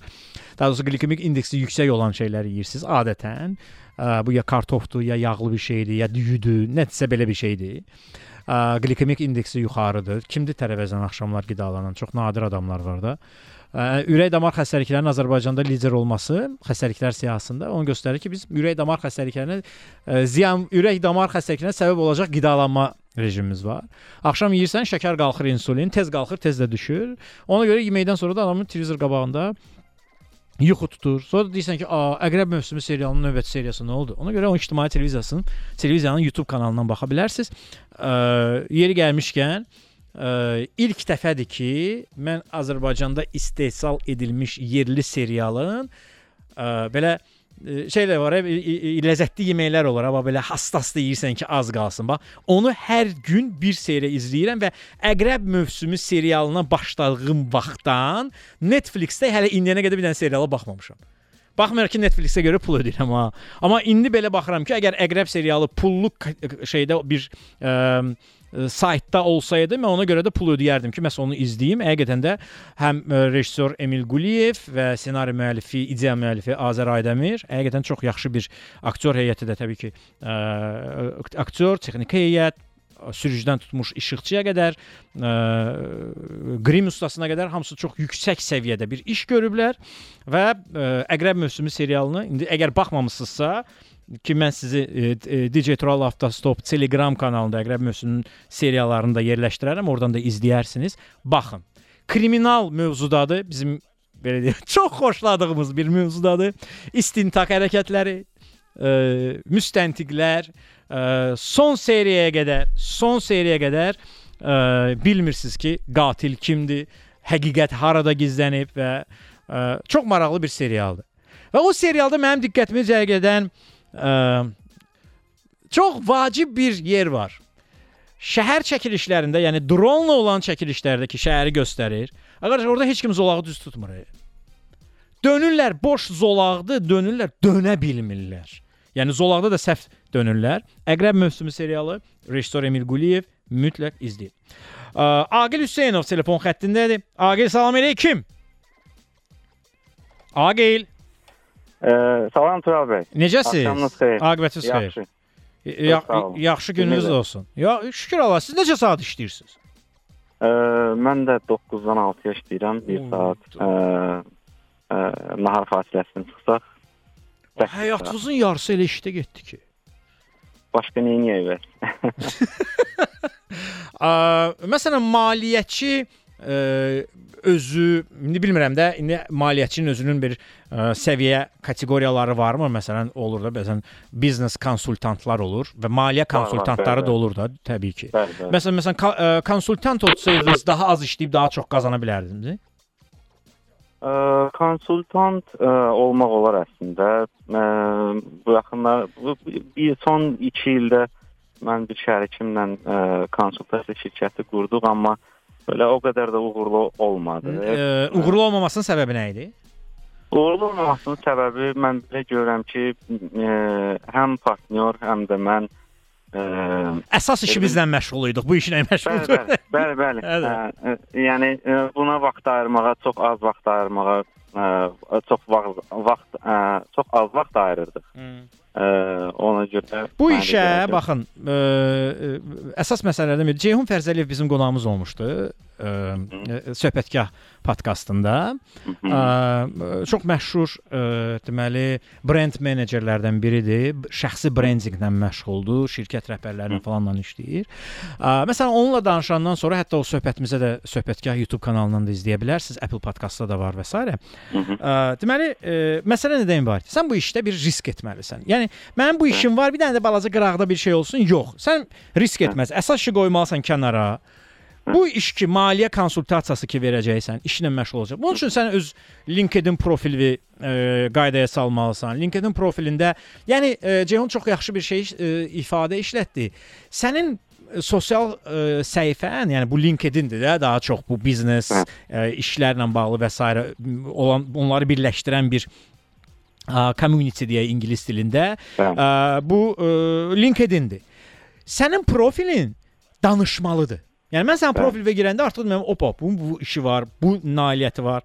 Tutaq ki, hər hansı bir beynəlxalq nüfuzlu sertifikatı varsa qoy beynəlxalq nü- nüfuzlu sertifikatın olsun. Ə, tutaq ki, saytı varsa say sayta gedin portfolyon, nəyin var, sən hansı şeylər eləmisən. Yəni bunlar çox brendinq üçün çox önəmlidir. Yəni hər adam özü bir brenddir. Məsələn, siz maliyyədə brend ola bilərsiniz. Tutaq ki, mən radio verilişin avtostop olaraq onu bir özümün brendinə çevirmişəm, mənim simam olur və bi- biz bunu brendə ona görə çevirmişik ki, yəni yol hərəkəti ilə bağlı sual gələndə ağla avtostop gəlməlidir ki, mən oradan Bəli. tapacağam. Yol hərəkəti haqqında qanun yox ha. avtostopdan soruşacağam. Yəni mənbə olaraq buranı götürmüş olacaq. Yəni bu bu brendin üzərində işləmək kimi bir şeydir. Yəqin ki, belə deyək, sonuna qədər risk eləmirsiniz. Tamamilə doğrudur. Ə, onun üçün ə, resurslar lazımdır. Resurslar da ki, nədir? Ə, puldur və vaxtdır. Onlar ə, hansı ki bir-birinə bərabər olan şeylərdir. Valla sərmayə Orada eləmədən var. biznes olmur axı. Bu da sizin bir sərmayəniz olur da və özünüzə sərmayə olur. Ən azından qazandığınız təcrübəyə sərmayə olur. Bir qulaq asdığım bir biznes ə, təlimçi var, İnanc Ayar. Ə, Türkiyədə onun ə, hər gün bir ə, podkastları falan var. Onları da dinləyirəm. DJ Tural Avtostop Telegram kanalında da o linki də paylaşacağam İnanc bəylə bağlı. Kiməsə maraqlısa qulaq asa bilər. Orada bir ə, əsas vacib məqamlardan biri budur. Sən nə isə alınmadısa, sən elə bil ki, təcrübəyə, təhsilə investisiya elədin. Öyrəndin də niyə alınmadı? Bəli, bəli. Bunu sənə heç kim öyrətməyəcək. Yeri gəlmiş. Universitetdə də bunu öyrətmirlər ki, necə alınmır. Sən onu yaşayırsan, o pulun gedir ha. Onu öyrənməyin bir investisiyası hesab edə bilərsən. İnanc əgər belə hesab edir və uzun böyük ölçüdə mən onunla razılaşıram. İndi bu yaxınlarda mən də LinkedIn-də məndə nələr alınmayıb avtostop eləyəndə uğursuz pulum nəyə gedib, uğursuz olan layihələrim də var təbii ki. Onlar haqqında bir post hazırlayacağam ki, ə, yekunda ə, bilmək lazımdır ki, əgər bu biznesə girmisənsə, bu işə girmisənsə, bilirsən ki, nəsə alınacaq, nəsə alınmayacaq. Amma ə, yəqin ki, sizə yaxşı bir menecer lazım idi. Siz onunla məşğul olma, o, o, olmayacaqdınız. Məsələn, siz deyəcəydiniz ki, mən bu işlə məşğul deyiləm, mən maliyyə işinə baxıram da. Amma şirkət məşğul. Yaxşı bir menecer olub o işi ə, apara İdarə bilərdi. Bəli, bəli, bəli, o idarə etmək. Bax, o da mə ə, vacib məqamlardan biri idi. Yaxşı. Ə, keçək plyonka dərdinə. Çünki bu dəqiqə bizi qulaq asanların bir çoxu üçün plyonka dərdi daha vacibdir. Niyə plyonka plyonka ə, daha vacib dərddir, nəinki təhlükəsizlik? Mən bayaqdan qulaq asıram Tural bəy. Ə, zəng eləyənlərin çoxu ə, xarici görünüş deyir. Yəni ə, o o da bir səbəbdir. Ə, nəyə görə? Mən Amma təhlükəsizlikdən vacib səbəb deyil axı. Ə, başa düşürəm, amma insan bizə indi sizin verilişə zəng eləyənlər o səbəbləri gətirirlər. Hı. Ə, bir biri biri ilə mən razılaşıram. O hansı ki bizim insanlarımız ə, göstərişə, mənim maşınım ə, qara şüşə olanda çox yaxşı görünür. O da o onun səbəbi də o insanlarda mən düşünürəm ki, ə, sizin verilişlərdə bu çox çox, çox səslənibdi. Ə, hansı insan özünü sübut eləyə bilmir? Ə, və o maşına plyonka vurmaqla, ə, qabaq işıqları yaşıl eləməklə, ə, yəni bu cür ə, özünü sübut eləməyə çalışır da. Yəni ə, bir səbəb bu. Hı -hı. Ə, ikinci səbəb də odur ki, mənə elə gəlir bizim ə, bəylərimizdə biraz qısqanclıq var. Ə, hı. mənim maşınımın ə, mənim maşınımda xanım oturanda ə, heç heç kəs onu görməməlidir. Yəni bu bu bu bu səbəb elə bir ki, ə, onları məcbur Bəs başqa yerə gedəndə? Hello, it is Ryan, and I was on a flight the other day playing one of my favorite social spin slot games on chumbacasino.com. I looked over the person sitting next to me, and you know what they were doing? They were also playing Chumba Casino. Coincidence? I think not. Everybody's loving having fun with it. Chumba Casino is home to hundreds of casino style games that you can play for free anytime, anywhere, even at 30,000 feet. So sign up now at chumbacasino.com to claim your free welcome bonus. That's chumbacasino.com and live the Chumba life. No purchase necessary. Group. Void prohibited by law. See terms and conditions. 18 plus.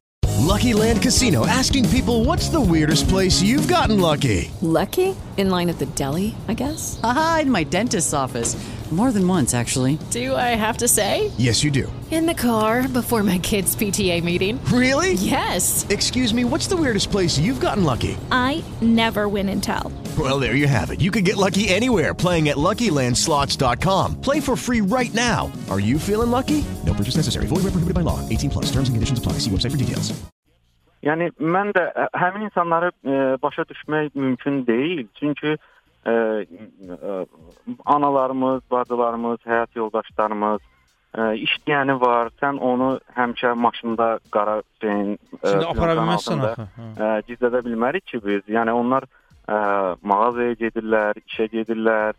Ə, biraz Yəni- özgüvənsizliyə bənzəyir hə, elə bil. Bəli, bəli, bəli. Tamam. Amma təhlükəsizlik önəmlidir. Məsələn, indi bir video baxıram. Heydər Əliyev mərkəz Heydər Əliyev prospekti mərkəz yoldan yol nəqliyyat hadisəsi baş verib. Deməli, mərkəz yolda bir dənə yekə maşın saxlayıblar, iri bir maşın saxlayıblar. Ə, orada işıqlandırma ə, dirəklərində işığı dəyişmək üçün. Bir dənə də maşın arxadan gəlib sürətlə çırpılıb onun maşına. Mən neçə dəfədir ki, bunun şahidi oluram ki, bu yol xidmətini göstərənlər ora bir xəbərdarlıq işarəsi qoymur. Yəqin ki, düşünür ki, "Əş bu boyda maşını görməyəcək." Ə, görəcək, görməyəcək. Sən işarəvi qoydu, Allah saxlamış. Bəli, bəli, bəli. O birisi də görün nə qədər sürətlə gəlir ki, sol zolaqla. Qarşısına böyük bir avtomobil çıxanda, "A, bu burada var ki, biz həmişə nə deyirik? Deyirik sol zolaq ölümə yaxın zolaqdır." A sən bu zolaqla niyə sürətlə gedəsən ki? Özü Heydər Əliyev mər- e, Heydər Əliyev prospektinin mərkəzi yolunda. Orta zolaqla get. A, Bəlkə nəsə baş versə dayana biləcək. Yəni təhlükəsizlik belə bir şeydir. Yəni mən əyləci basanda bu 2 tonluq əşya dayana biləcək yoxsa yox? Bu önəmli bir sualdır. Niyə özümüzə sual verə bilmirik? Mən onu tuta bilmirəm. Biri şey qoymur, xəbərdarlıq nişanı qoymur, o birisi də qaydalara əməl eləmək istəmir. Bəli, bəli.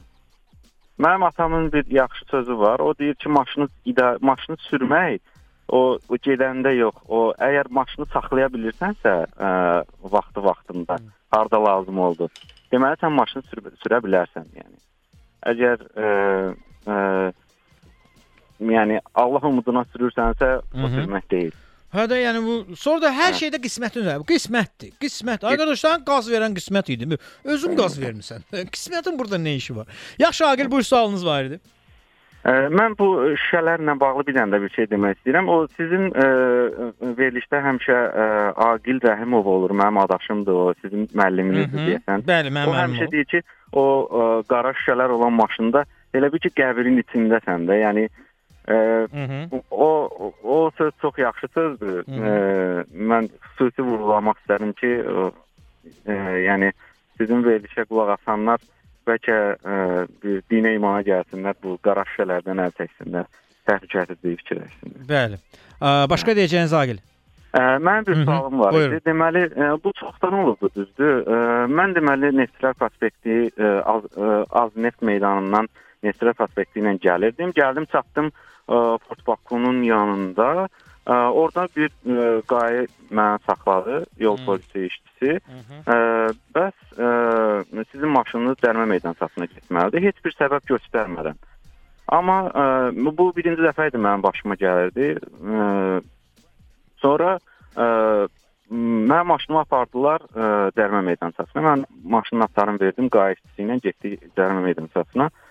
Ə, maşını qoy, orada qoyası oldum çünki daha buraxmadılar heç cürə və avtoxuliqanlıq maddəsi. Ə, amma m, mən orada heç bir qayda pozmamışdım. O Portbakunun o dön döngə hissəsi də ə, elə bir ə, ərazidir ki, o Mhm. Portbakudan çıxan maşınlar səni məcbur eləyir ki, sən ə, bir neçə zolaq ə, bir neçə deməyim ya, bir zolaq dəyişəsən. Mhm. Yəni bunun avtoxuliqanlıqla bir əlaqəsi varmı? 511-ci Hə, çünki mən- maddədə avtoxuliqanlıqda 511-ci maddədə açıq-aydın göstərib avtoxuliqanlıq nədir? 4 bənddən ibarətdir. E, birincisi 2 və daha artıq nəqliyyat vasitəsilə avto yarışa keçmək, 2 2 təkər qaldırmaq, 3 təkərləri eşdirmək, 4 isə hərəkət sürətini 80 km aşmaq. Yəni 60-lıq yolda sən bir 160-la falanla gedirsən. Ə, bu avtoxuliqanlıq hesab edilir.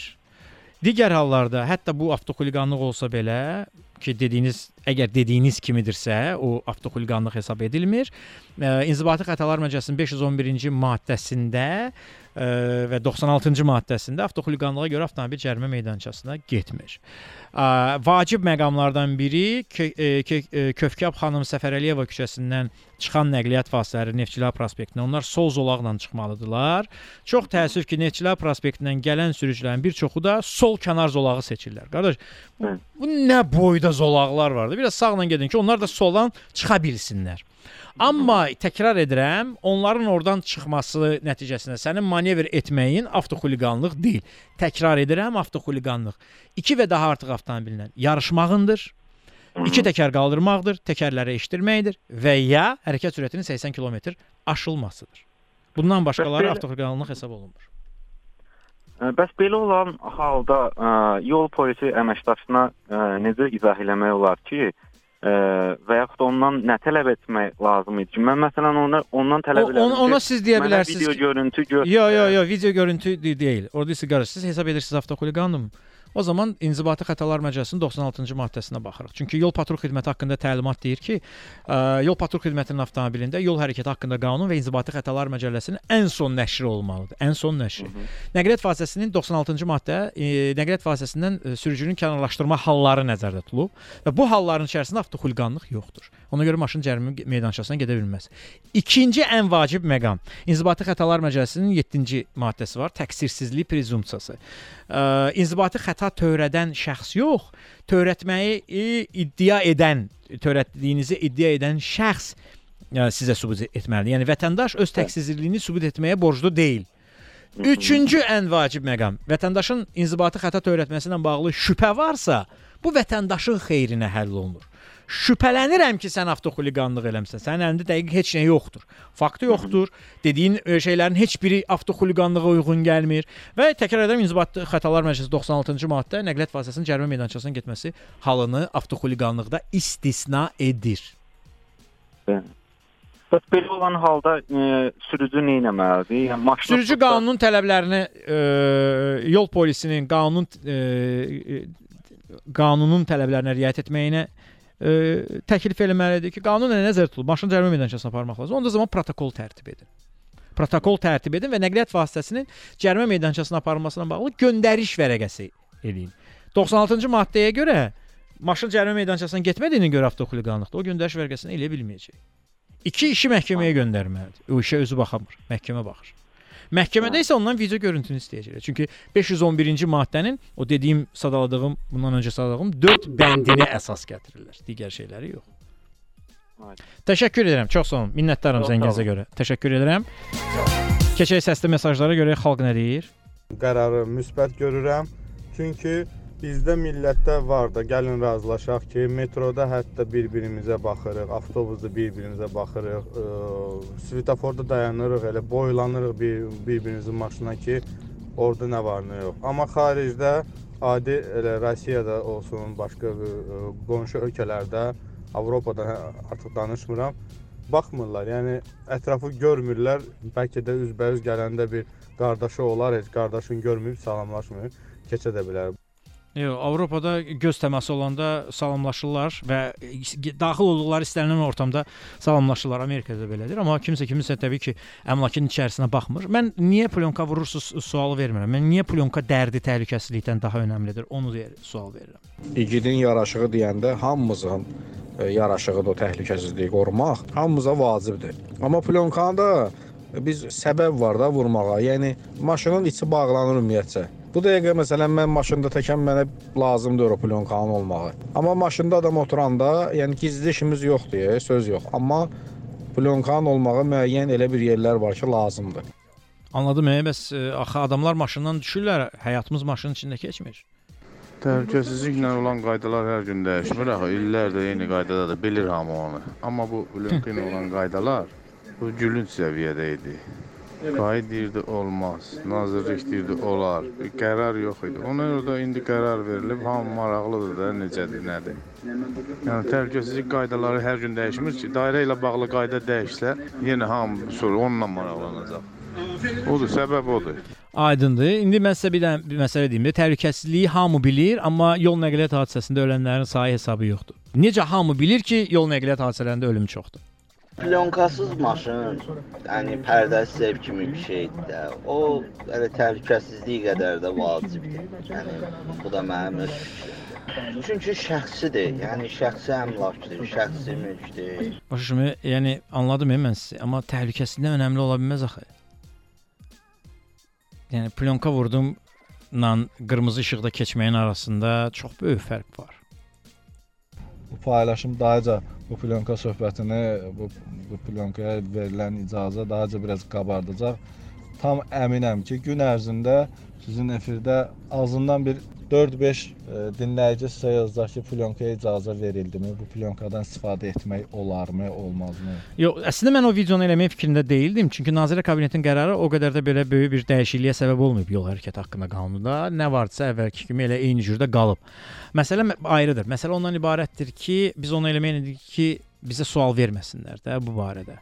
Amma iş burasındakı videonu elədik və yenə də gələcək. Bəs filan maşını olar. Qardaş, dedik də kim ne, minik avtomobillərinə olar. Yenə deyirlər, plan maşını olar. Nəysə dostlar, özünüzdən müğayət olun, özünüzü qoruyun. Təhlükəsizlik önəmlidir.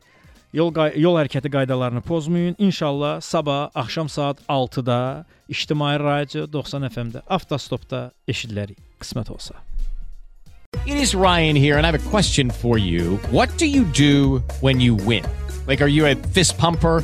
A woohooer, a hand clapper, a high fiver. I kind of like the high five, but if you want to hone in on those winning moves, check out Chumba Casino. At ChumbaCasino.com, choose from hundreds of social casino style games for your chance to redeem serious cash prizes. There are new game releases weekly, plus free daily bonuses. So don't wait. Start having the most fun ever at ChumbaCasino.com. No purchase necessary. VGW. Void were prohibited by law. See terms and conditions. 18 plus.